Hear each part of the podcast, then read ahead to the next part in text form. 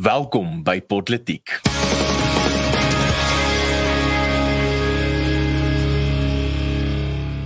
Asai, goeiemôre en goeie Woensdag. Jy's terug op Politiek en dit beteken natuurlik dat tyd is om so klein bietjie te ontnonsens.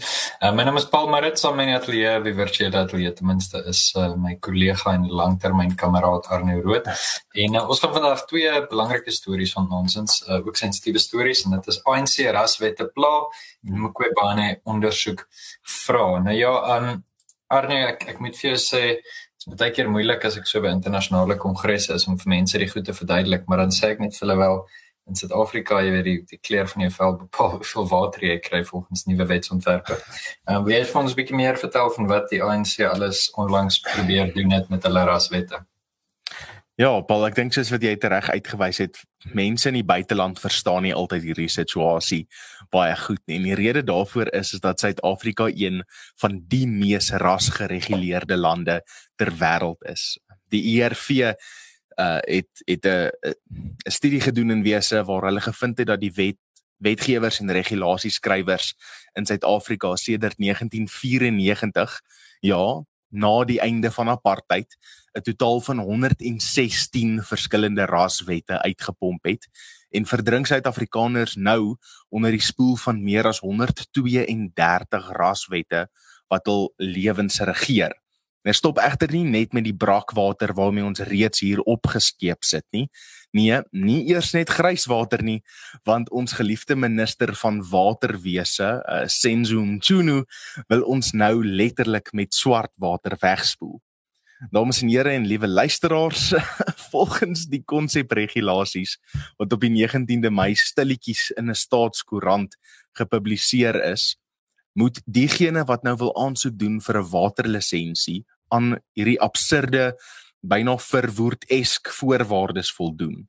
En uh, die kern van die regulasies verseker dat sekere waterverbruikers tot en met 75% van hulle besit aan swart eienaars moet uitmaak of sonder water sit. Boere wat nie kan besproei nie, industrieë wat se pype droogloop, grootskaalse voedseltekorte en wydverspreide werkloosheid alles omdat sekere waterverbruikers die verkeerde velkleur het. Nou Paul, voordat ek so 'n bietjie in die regkant se bespreking wil in indel, wil ek eers jou eintlik ook 'n geleentheid gee om om 'n paar insette te lewer. Hoor graag. Dankie Arnie. Ja, so ehm um, wat my natuurlik interesseer vir die laaste kom ons sê vir die laaste 6 jaar of so wat ek regtig my tyd mee spandeer, maar dalk selfs al voor dit is die ideologiese grondslag. Met ander woorde, wat is die idees wat agter die ANC se optrede lê? Wat ons hierso sien is 'n stuk optrede, maar jy weet agter elke stuk optrede lê daar 'n idee. Dit wat ek doen gaan 'n bepaalde voordeel hê. So 'n eenvoudige voorbeeld, ehm um, as 'n loskakel op 'n rugbyveld besluit ek skop die bal na toe dan dan dink hy in sy kop deur dit te doen gaan ek my span se posisie verbeter of verswak. So wat jy sien is 'n skop maar wat daar eintlik is is 'n stuk dinkwerk agter dit. So wat mense jouself moet vra is wat dink die ANC eh, wanneer hulle hierdie tipe optrede doen? En uh dis daar's vir my niks so lekker uh of eintlik so hartseer en angswekkend, maar ook so duidelik. So om die ANC se se werk te gaan lees wat uit hulle eie skrywers se monde uitkom het nie. Ek kan regtig as jy hou van wat politiek doen, dan dink ek dis 'n goeie idee om te gaan kyk na wat iemand so Joe Slovo geskryf het. Ehm um, eintlik meeste van die goed wat hy geskryf het van die 1960s af gaan op een of ander manier vir jou 'n helder lig skyn op wat Suid-Afrika vandag geword het. Maar daar's 'n paar artikels in die laat 80s waar hy regtig praat oor hoekom Suid-Afrika nooit groepsregte mag hê nie, want dit gaan keer dat daar een sterk revolusionêre mag sal wees. Um hy praat oor hoe daar gewerk moet word om, jy weet, groepe absoluut gelyk te maak en hoe hulle, jy weet, die sosiaal-demokratiese revolusie effektief wil pleeg. So ek dink um wat ons hierso sien is maar net die revolusie wat homself aanhou uitrol. Ehm um, en ek ek is tans besig met so 'n bietjie werk wat kyk na van professor Koos Malan en professor Andrei Dievenage se onlangse werk, maar wat 'n mens wat 'n mens effektief kan sien in Suid-Afrika is dat daar spanning is. Daar bestaan 'n spanning tussen ehm um, die 1996 grondwet wat die liberale ideale van die individu en vryheid en so aan voorgestel het en die nasionale demokratiese revolusie wat die ANC se revolusionêre pad is wat hulle miskien al in die 1950s op besluit het, jy weet of of in die laat 40s met hulle program of action. So jy sien hierdie twee lyne wat in konstante spanning met mekaar is, maar die verskil is 'n grondwet is 'n is 'n stil vaste ding. Hy's nie dinamies nie, maar 'n revolusie kan die hele tyd verander en herontplooi. Ehm um, so ek dis nou 'n lang storie, maar kom ek vat dit saam. Ek dink daar was besluite gemaak in die, in 2022 se kongres. Ek dink die ANC het onder mekaar of ten minste binne die elite het hulle vir mekaar gesê hulle is besig om hulle greep oor die regering te verloor en dit beteken dat hulle min tyd het om hulle revolusie uit te voer. Ehm um, en ek dink dit dit is die die dinkwerk in hulle koppe en dit sien ons nou baie meer drasties en baie meer radikale wetgewing. Skus jy is jy stil? Ja, skus. Net voor ek in in my tweede gedeelte daar inspring, wil ek eers gou-gou iets sê oor wat jy nou gesê het en dis vir my snaaks. Ek ek het baie respek vir die ou ANC stalwarts in daai sin. Ek dink die Joe Slowbows, die ouer Tambos, hier hierdie ouens was tot 'n groot mate werklike intellektuele ouens. Alhoewel hulle na my sin bietjie aan die verkeerde kant van die spektrum gesit het met baie van hulle idees, voel baie van hierdie goed deurdink en daar's 'n regtige 'n ideologiese grondslag van waaruit hulle werk. Nou ek, ek sukkel om dit te vereenselwig baie keer met die ANC van vandag.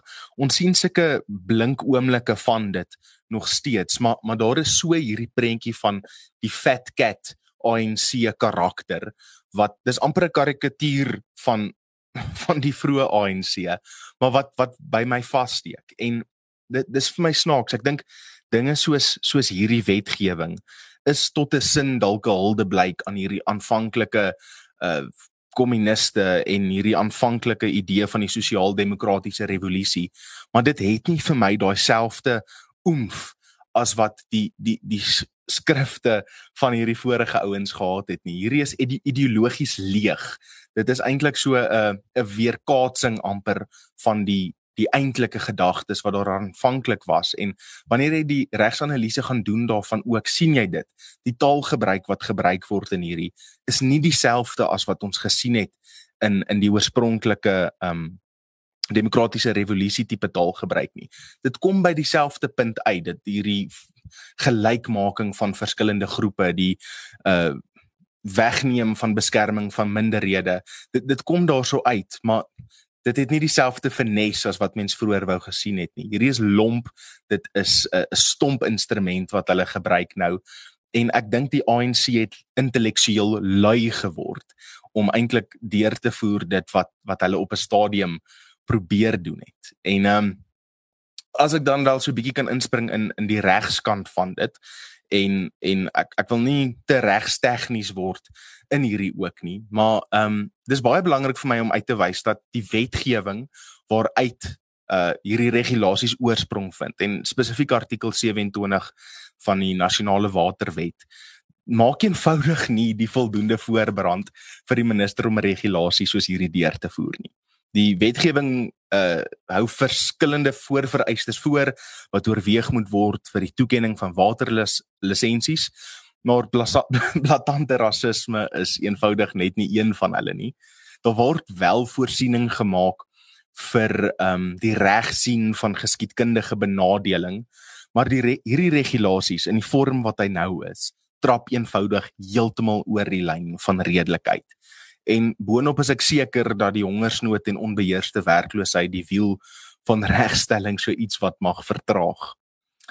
Ehm um, hulle sien wat wat uit hierdie gebeur uit uit hierdie wetgewing kom is dat die minister in wese probeer om rag rasregulasies die enigste hekwag van artikel 27 van die waterwet te maak. Ten spyte van die nare gevolge wat dit mag hê, vat hy al hierdie ander goed wat ons veronderstel is om te oorweeg en hy stoot dit so half op sy en hy maak ras die hekwag.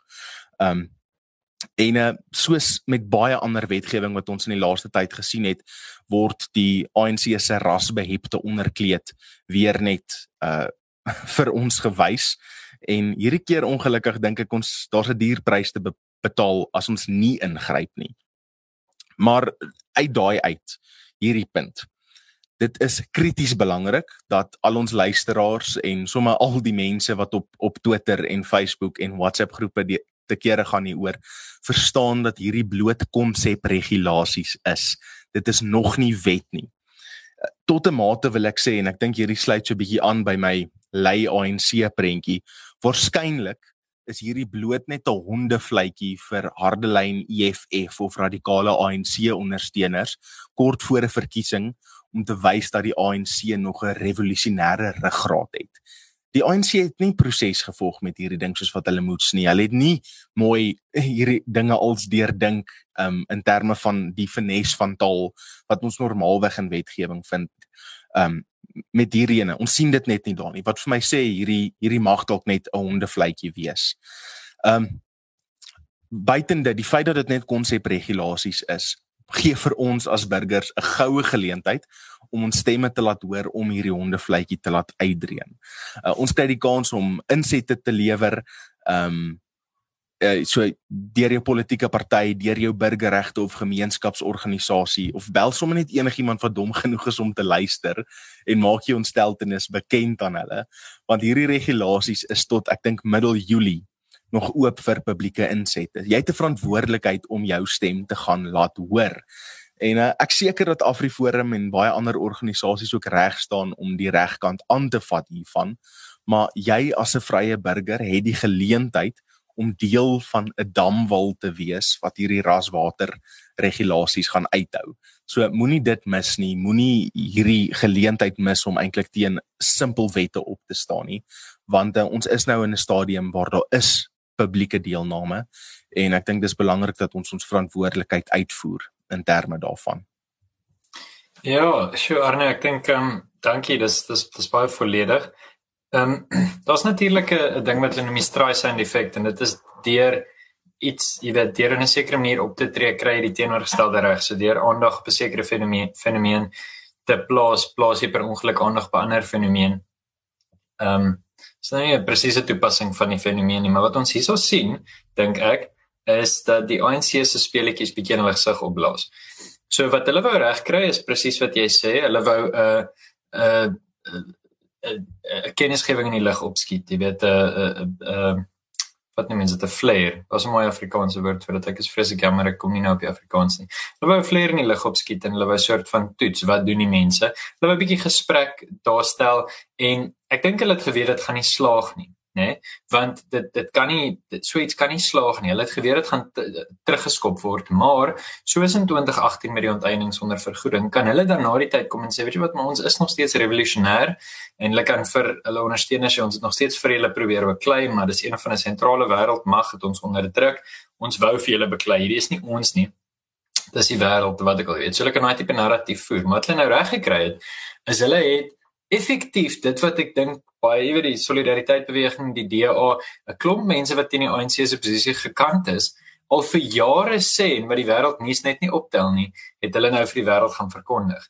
Jy weet jy kan nie Elon Musk se Twitter ignoreer nie. En hy wat baie spesifiek nooit iets oor Suid-Afrika sê nie wat wat al is dit net twee uitroeptekens wat vir die wêreld wys kyk hierso hier's iets nie lekker nie.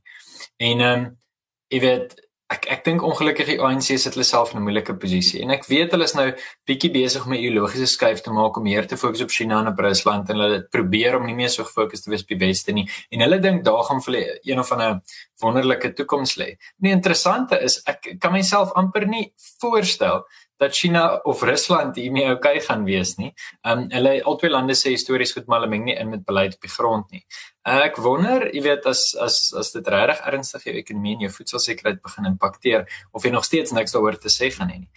Um maar ek dink dit is ook soos jy sê daar gaan natuurlik 'n klomp weerstand kom.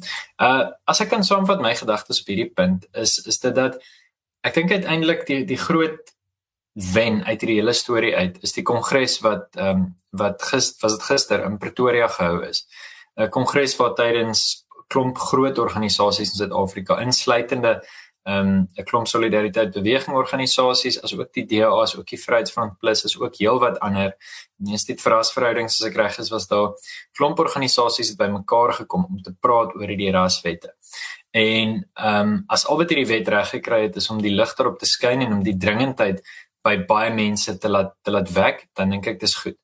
Ek wil 'n laaste punt maak wat dalk 'n bietjie kontroversieel is, maar ehm um, mense hoor baie keer van swart Suid-Afrikaners af, ja, maar hulle stem nie saam met hierdie tipe wetgewing nie. Maar dan wil ek sê, as jy nie saamstem met hierdie wetgewing nie, dan moet jy iets sê daaroor. Ehm um, daar, jy weet, mense kan sê wat jy wil van baie ehm um, Afrikaanse kommentators tydens die apartheidsjare, maar mense soos Helen Zille wat gesê het hierdie wat met Steve Biko gebeur het is nie reg nie. Vandag het hulle 'n voet om op te staan want hulle kan sê ek het regtig probeer. Of iemand soos Helen Suzman en daar's daar's goeie goeie mense wat regtig kan sê maar hulle het probeer om hierteen te beklei, selfs al het hulle voordeel daai uit kon trek.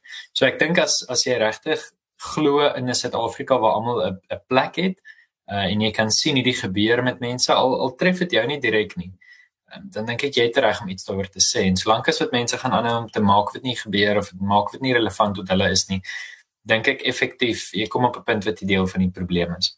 Dis my gedagtes daaroor. Arno, ek weet nie of jy nog iets wil wil sê voordat ek oorspring nie. Nee, Paul, ek's ek's gelukkig met daai. Ek dink dit is dit is 'n mooi uiteensetting daarvan. Ek's opgewonde oor die kongres wat gehou word gehou was ook. Ehm um, ek sien uit wat wat daar gaan uitspoel. Ehm um, maar ek dink kom ons gee oor vir jou vir uh, vir ons volgende storie. Nou ja, die volgende storie is regtig nogals kompleks. Ehm um, daar's heelwat goeie analises beskikbaar um, in, in Suid-Afrikaanse media. Ons het die storie genoem Mqobane ondersoek vra. Nou moet ek sê hier is iemand daai sensitiewe tipe stories want 'n mens kan baie keer oor die nuus praat en en oor 'n politikus praat, maar ons moet besef dat uh jy weet tussen eergister en gister is Tina Jamat Petersen van die ANC oorlede en uh ook heelwat media berigte beweer dat dit moontlik selfdood was. Uh en dit is direk verbind aan hierdie storie wat ek nou moet bespreek. Mens kan dit nie ignoreer nie. Die storie is ehm um, wat ons nou bespreek is dat daar vandag en ook ehm um, vroeër het die komitee kom al van 2021 af. Maar in 2021 is daar 'n komitee saamgestel, 'n uh, 'n subkomitee om ondersoek te doen. Nou mens noem dit in in Suid-Afrikaanse politieke terme artikel 194 of 194 komitee. En dit word saamgestel uit lede van verskillende partye om 'n vraag te vra. En die vraag was ondersoek die bevoegdheid of ondersoek moontlike redes waarom die openbare beskermer verwyder moet word uit daardie pos. Nou daar's twee kante van die van die ehm um, ideologiese venster kan 'n mens sê. Mqobane en haar kamp en heelwat mense wat tipies iemand soos Julius Malema sal insluit, sê dat sy vervolg word omdat sy vrae gevra het oor die CR17 veldtog. Die ander oor hoe president Ramaphosa se veldtog in 2017 om president van die ANC te word befonds is. So daar is daai kant van die storie. Dan is daar die ander kant vir mense wat sê sy's gewoon onbevoegd, sy het soveel van haar take nou al nie volvoer nie. Soveel sake is by die hof uitgegooi omdat sy net nie haar, haar kant gebring het of haar verslaan nie reg was nie of seker die beugter. So dis twee kante van die storie. So hierdie komitee was aanvanklik 26 lede en hy's toe uitgebrei uh om uiteindelik ek glo hy's hy's op hierdie stadium met van glo dit hy 36 lede. En van hierdie 36 lede is 19 lede van die ANC. Nou Arno, hierdie is vir dit interessant raak. Na na bewering en volgens berigte het 3 van hierdie lede en ons kan nie sê spesifiek dat dat wie hulle was of dat hulle ANC-lede was nie, maar die berigte is dat een van hierdie 3 lede uh die Wile Tina Jamat Petersen was. Dat hierdie lede na Mqobane se man toe gegaan het en 600 000 rand gevra het om hierdie um ondersoekkomitee te laat weggaan of effektief om om resultate te uh, jy weet te produseer wat nie noodwendig teen haar gaan tel nie. As so iets waar sou wees, is dit natuurlik gruwelike bedrog. Maar ehm um, dis natuurlik alles tans nog in ondersoek. Nou vandag is daar bespreek behoort die WhatsApp boodskappe tussen ehm um, mevrou eh uh, oorlede mevrou Jamat Petersen en meneer Skosana, die man van Bosisi Mqobane of hierdie WhatsApp gesprek bekend gestel moet word. En dan kan ek nou vir jou sê dit is nou op Twitter, so dit versprei reeds in Suid-Afrikaanse Twitter hoe hierdie gesprek gegaan het wat deur ek dink Februarie, Maart, April en Mei van 2023. Dit kan wees dat dit eers in Maart begin het. Maart, April, Mei 2023 die WhatsApp gesprekke tussen die man van Bosisi Mqobane en Tina Jamat Petersen waar hulle praat oor of hulle gaan voortgaan met hierdie operasie of met hierdie storie. Ehm um, en dit dit natuurlik die die wat op hierdie stadium beweer word. Jy kan hoor ek is bietjie versigtig, mens wil sensitief wees. Uh, mens wil nie sleg praat van iemand wat oorlede is nie onder geen omstandighede nie, ten minste soos ek geleer. So ehm um, mens wil met die nodige versigtigheid omgaan, maar die punt wat gemaak word is dat die klagte wat Mqobane se man by die polisie ingedien het om te sê hierdie drie mense het vir my geld gevra om hierdie ondersoek te laat verdwyn dat dit bygedra het um tot die tot die selfdood van um van uh, Willem mevrou Petersen so of uh, Jamat Petersen so dis 'n baie sensitiewe kwessie uh, ek dink dis dis 'n lang agtergrond en ek ek spandeer 'n bietjie tyd daarmee omdat dit sensitief is maar die punt vir my is dis natuurlik sleg my lewe te verloor en ons dink regtig in ons gebede aan aan haar familie in in 'n swaar en 'n baie moeilike tyd. Ehm um, maar as daar waarheid daarin steek dat politici, verkose politici van Suid-Afrika geld gevra het om politieke prosesse te verhinder, dan bevestig dit baie van wat die wêreld oor die ANC sê. Dis my dis my baie sensitiewe mynveld mening daaroor. Ehm um, om te keer dat dat uh, jy of een 'n ander prokureur die die politiek span binnekort met uitbuil erns, moet ek nou iets dom gesê. Maar breedweg uh, is dit die konteks en dis dis wat ek so 'n bietjie maak van daai storie. Het jy het jy gedagtes hieroor? Paul nie nie spesifiek tot hierdie storie moet ek sê nie. Ek ek dink nie ek wil eers raak aan die ding met 'n 10 voet paal om om om spesifiek oor haar of oor hierdie te praat nie, maar ek dink uit 'n breë perspektief uit het ek nie verbaas gevoel toe ek hierdie ge, ge, gehoor het nie.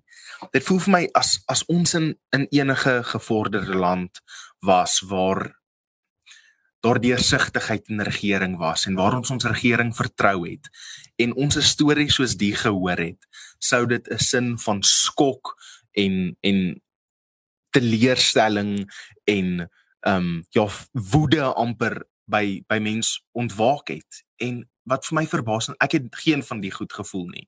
Ek het dit gehoor en ek het gedink, hm, ja, maak sin. Uh en en dit is vir my die die slegste ding van alles is dat ons hierso sit en in in in 'n land wat ek werklik voor lief is tussen mense wat ek waardeer en iets waar ek regtig 'n hoop en 'n geloof het dat hier goeie goeders in hierdie land gaan gebeur en goeie goed hier gaan uitkom en dat daar 'n toekoms is hier aan die suidpunt van Afrika dat ons hoor sulke nuus en dit voel net hm, dis nog 'n nog 'n maandag. Daardie daardie is wat vir my die frustrasie is en en ek dink dit die feit dat ek so voel dit ehm um, dit kan ook heeltemal op die ANC se skouers geplaas word. Hulle het 'n kultuur gekweek as 'n organisasie en binne daai organisasie het die individue wat dit uitmaak 'n kultuur gekweek waar dinge soos hierdie as normaal gesien word waar ons te midde kriminaliteit, te midde korrupsie leef en dit net vir ons nog 'n dinsdag is. En dit is so verkeerd. Ons behoort ontstel te wees hieroor. Ons behoort woedend te wees. As hierdie in Skandinawië gebeur het, was die mense uit op die strate besig met 'n optog teen hulle regering. Die regering sou waarskynlik ontbind het en om verskoning gevra het en um, hulle sou nuwe verkiesings gehou het. Maar by ons is dit net nog 'n maandag. En ehm um, ja, ek dink dit dit dit verg dat ons as burgers en as ons as kiesers regtig 'n bietjie introspeksie moet gaan doen en gaan dink oor waarna toe wil ons hê hierdie land moet gaan? Is dit iets wat ons aanvaarbaar ag dat ons dat ons soos hierdie voel? En ehm um, ek, ek sê dit gereeld maar ek dink daarso is twee realiteite. Daar's 'n verkiesing binne 'n jaar waar ons kans kry om invloed te hê en jy het elke dag die geleentheid om by 'n organisasie of 'n gemeenskapsgroep aan te sluit wat 'n verskil maak en wat goed soos hierdie bekamp. En as jy nie daai twee goeters um najaag en jou verantwoordelikheid opeis in terme van dit nie, dan dan sit maar reg dat jy so voel. Dan is dit net nog 'n Dinsdag. Um Paul, ek uh, gee graag oor na jou. Ja, dankie Arno. Ek dink daar is daar is baie sinvolle kommentaare. Mens kan nie ek dink baie keer mens kom op 'n punt wat goed vir jou normaliseer. Jy weet ons ons spot baie keer uh dit het nou al spot geword, die ding van Cyril Ramaphosa wat gesê het jy weet mens moet die padda stadig kook. Maar ek dink hoe kwaad ons was toe ek 15 jaar oud was oor 2 ure se beerdkrag 'n week. Dit was onaanvaarbaar. Dit was die voorblad van elke liewe ehm um, koerant. Nou hierdie koerante nou net hulle tye wat hulle ehm um, drukpers toe gaan verander om om te pas by by beerdkrag of hulle het jy weet ehm um, kragopwekkers gekoop. En dis dis 'n sekere sin 'n metafoor vir hoe gewoonte mense daaraan raak. Ons braai nou maar almal op Saterdag want ons weet ons gaan nie krag hê nie. Ons koop nie meer vleis nie want ons weet die vleis gaan nie hou nie. As ons jag maak ons biltong want ons weet die steaks en choppies gaan nie hou nie. Ons het gewoond geraak daaraan, né? En ek dink dis dis 'n dis 'n bitterlik geldige punt wat jy maak. Hierdie is nie normaal nie. Dis nie hoe 'n land van 61 miljoen mense wat 'n massiewe getal is. Dit is baie baie mense. Hierdie land verdien beter. Ehm um, en jy weet ek dink ek het geen twyfel daaroor nie. Ons gaan die ANC onthou met met 'n 'n frons as 'n as 'n as 'n slegte en 'n bitter tyd in Suid-Afrika, as 'n tyd wat briljant moes gewees het. Ehm um, Suid-Afrika wat uit apartheid uitkom en net, jy weet, skiet vir die sterre met al die hulpbronne en al die beleggings in die wêreld, die poort na Afrika toe, jy weet, en alles gaan net goed gaan. En waar ons nou uitgekom het. En daar's baie mense wat tans hieroor skryf. Ek dink professor Koos Malan is is voor in terme van sy vermoë om te analiseer. Ek sê dit nie omdat ek persoonlik baie van sy werk lees en omdat ek dink hy's briljant nie. Ek sê dit ook omdat regtig empiries sy vermoë om raak te sien wat aangaan is bitterlik goed. Ehm um, maar ons sê hy waarskynlik ook al baie lank, nê. Nee, iemand soos Flip by sê eintlik effektief al vir 30 jaar, maar hierdie is die goed wat aangaan en ons wou dit nie glo nie. Ehm um, goed terug by die storie. Ek dink jy weet die die die probleem wat ons hier so prakties het op 'n op 'n gewoon politieke en en polities tegniese ehm um, veld of in in in 'n in 'n in 'n polities tegniese veld is eenvoudig dat uh, advokaat Mqobane nou so klein bietjie meer positief en 'n positiewe lig gesien word want haar man was nou die vletjieblaser en sy steen teen wie onreg gedoen is want sy is jy weet genader vir 'n eh, vir, vir omkoopgeld. So in 'n sekere sin word sy nou in 'n goeie lig gesien, maar die die realiteit van die saak is mens moet praat oor jy weet wat is die die eintlike rede hoekom daai komitee tot stand gekom het. Ja, hy was nou 'n 'n hobbel in die pad gewees. En dit dis is 'n slaguister wat regtig hierdie proses kan laat ontspoor. Ek ek stem saam, maar Suid-Afrika kort 'n goeie openbare beskermer. Moenie vir een oomblik dink dat ehm um, jy weet die werk wat Tuli Maronsela gedoen het uh met die hele gedagte van Nkandla dat dit nie 'n massiewe massiewe rol gespeel het in Jacob Zuma se verwydering nie. En en ek dink dit het ook in 'n sekere mate die wêreld se oë begin terugdraai uit Suid-Afrika. So ons het 'n openbare beskermer nodig, 'n goeie een wat regtig omgee vir die land. En ons openbare beskermer is nou al vir 3 jaar besig om net haarself en haar pos te beskerm. En wie staan op vir ons belange? Jy weet natuurlik ja, daar's 'n klomp private organisasies, maar daar's mense daar buite wat nie kan geld betaal vir burgerregte organisasies en vir vakbonde om hulle te beskerm en vir uh, jy weet een of ander maatskappy om jou te kom help as jou kar breek langs die pad nie. Daar's mense wat nie die geld het nie. Hulle het nodig dat die instellings wat moet werk, sal werk. Ehm um, so ek dink dis my dis my met 10 sent oor dit. Het jy 'n finale gedagte of wil jy ek moet hierdie storie saamtrek? Nee, nee Paul, uh ek dalk een ding ons praat oor die openbare beskermer en en ek voel dis dis dalk geldig om hierdie net aan te las. Is ek's nie altyd mal oor die menseregte kommissie nie. Ehm um, dis dis net uit daai daai tipe instellings uit ek ek's wel opgewonde om om te sien wat vorentoe gebeur met hulle spesifiek. Ek sien daarso is daarso's nog 'n interessante hofsaak wat gaan voortgaan nou um, in terme van of die menseregte kommissie se beslissings bindend is of nie. En um, ek dink dit voer nog lekker in hierdie ding in. Suid-Afrika het verseker instansies nodig wat vir die man op straat ook kan veg. Daar is natuurlik Afriforum, daar is solidariteit, daar is al hierdie wonderlike um, instansies, maar um, dit is lekker om uit uit 'n publieke spasie uit ook ouens te hê wat wat daaroor veg. So net vir die luisteraars wat in so 'n tipe iets dalk sou belangstel, ek dink dis dalk 'n lekker ding om om ook dop te hou. Daar was onlangs relatief onlangs bevind die publieke beskermer se beslissings is bindend en ehm um, hierdie mag dalk nou nog 'n 'n koel in die arsenaal wees in indien dit die geval is. Om daarop af te sluit net soos drome oor Formule 1 in Suid-Afrika is hierdie episode ook nou eers verby. As jy hou van wat ons doen, teken gerus in op Politiek. Ons nooi jou as luisteraar om ook self 'n bietjie te ontnonsens deur die gesprek voort te sit in die kommentaarafdeling op of in ons Telegram Telegram kanaal.